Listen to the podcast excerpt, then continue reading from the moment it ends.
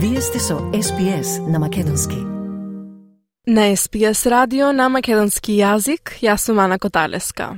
А сега да одделиме неколку минути за резултатите од најголемите спортски настани од минатиот викенд со колегата Васе Коцев. Васе викендов се одржа традиционалниот македонски фудбалски куп. Токму така, викендов, овој положен празничен викенд, се одржа за националниот фудбалски клуб на екипите од македонската земјица, популарниот Масо Кап, а домаќин беше градот Ньюкасл, и таму се одржа овој македонски фудбалски клуб со речи си учество на сите екипи од Мелбурн, Джилонг, Сиднеј, Вулонгонг и се разбира градот домаќин Ньюкасл, екипата на Бродмедол Меджик и Ньюкасл Санс, убава можност за македонската заедница на дело да ги видат екипите на едно место од македонската заедница во оваа заедница во северниот регион на Нов Јужен Велс. Кој е новиот победник? Каде замина победничкиот пехар? Па нов победник е Алтона Меджик Вардар, екипа од Мелбурн. Во големото финале Алтона Меджик го совлада ја совлада Джелонг Македонија со 1 спрема 0.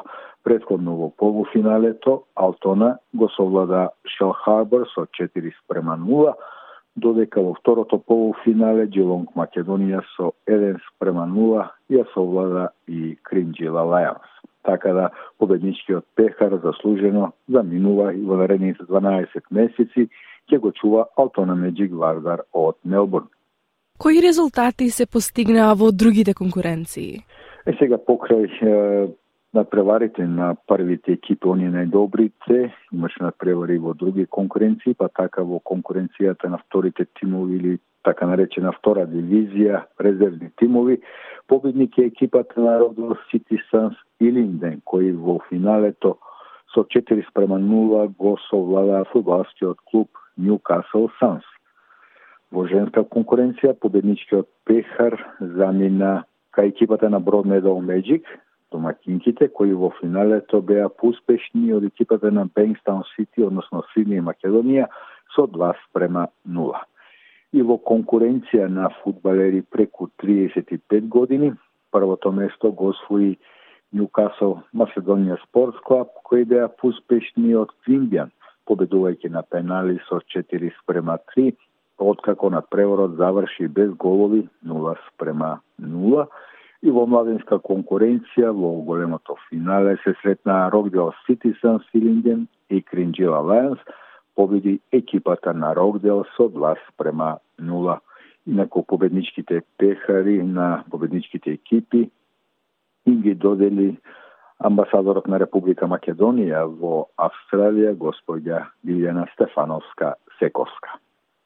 Така, и од фудбалот сега малку и на тенисот заврши првиот Гранд Слем годинава. Кои се новите победници? А новите победници на отвореното првенство на Австралија, прв Гранд Слем турнир кој се одржува оваа година, се Новак Ѓоковиќ во машка конкуренција и Арина Сабаленка во женска конкуренција.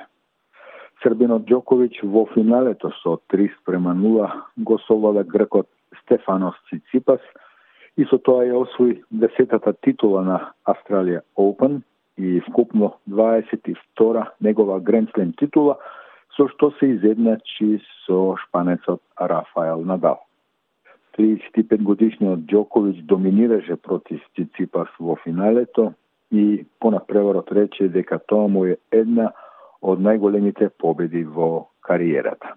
I have to say that this has been one of the most uh, challenging tournaments I've ever played in my life, considering the circumstances. Um, not playing last year, coming back this year, and За разлика од Ѓоковиќ, поразениот Циципас рече дека Десеткратниот шампион на Австралија Open е еден од најдобрите тенисери во историјата на тенисот, но изборуваше отворено за неуспешниот обид да ја освои својата прва Grand Slam титула. I don't see any reason to be lowering my expectations or my goals. Um, and I have I'm I'm born a champion. I can feel it in my blood. I can feel it um, as a as a competitive kid that I was when I was young. You know, it's uh, something that is within me, and I want to harvest that. That's the desire is really there. I really really want it badly. И која е победничката од женската конкуренција? Во женска конкуренција нова шампионка е Арина Сабаленка, која во финалето ја совлада русинката која игра за Казахстан Рибакина со 2 спрема 1 во сетови. И со тоа Сабаленка, која инако по потекло е Белорусија, стана прва неутрална тенисерка која освоила Гренслен титула а причина за тоа секако е руската инвазија на Украина и забраната на русинките и белоруските надпреварувачи да играат под руско, односно белоруско знаме. По завршувањето на финалето, Сабаленка рече дека се надева дека ќе има шанси да настапи и на Вимболдон, тоа е Гренслен турен што се одржува во Лондон, инако трет поред, бидејќи организаторот се уште не се решил дали ќе им дозволи на руските и белоруските тенисери и тенисерки да играат во Лондон. Well, I think everyone still knows that I'm Belarusian player. And I think during these two weeks, I really was super calm on court, and I, I really believed in myself a lot that uh, that my ga- game will uh, will give me a lot of opportunities in each in each game to to to win this uh, uh, title.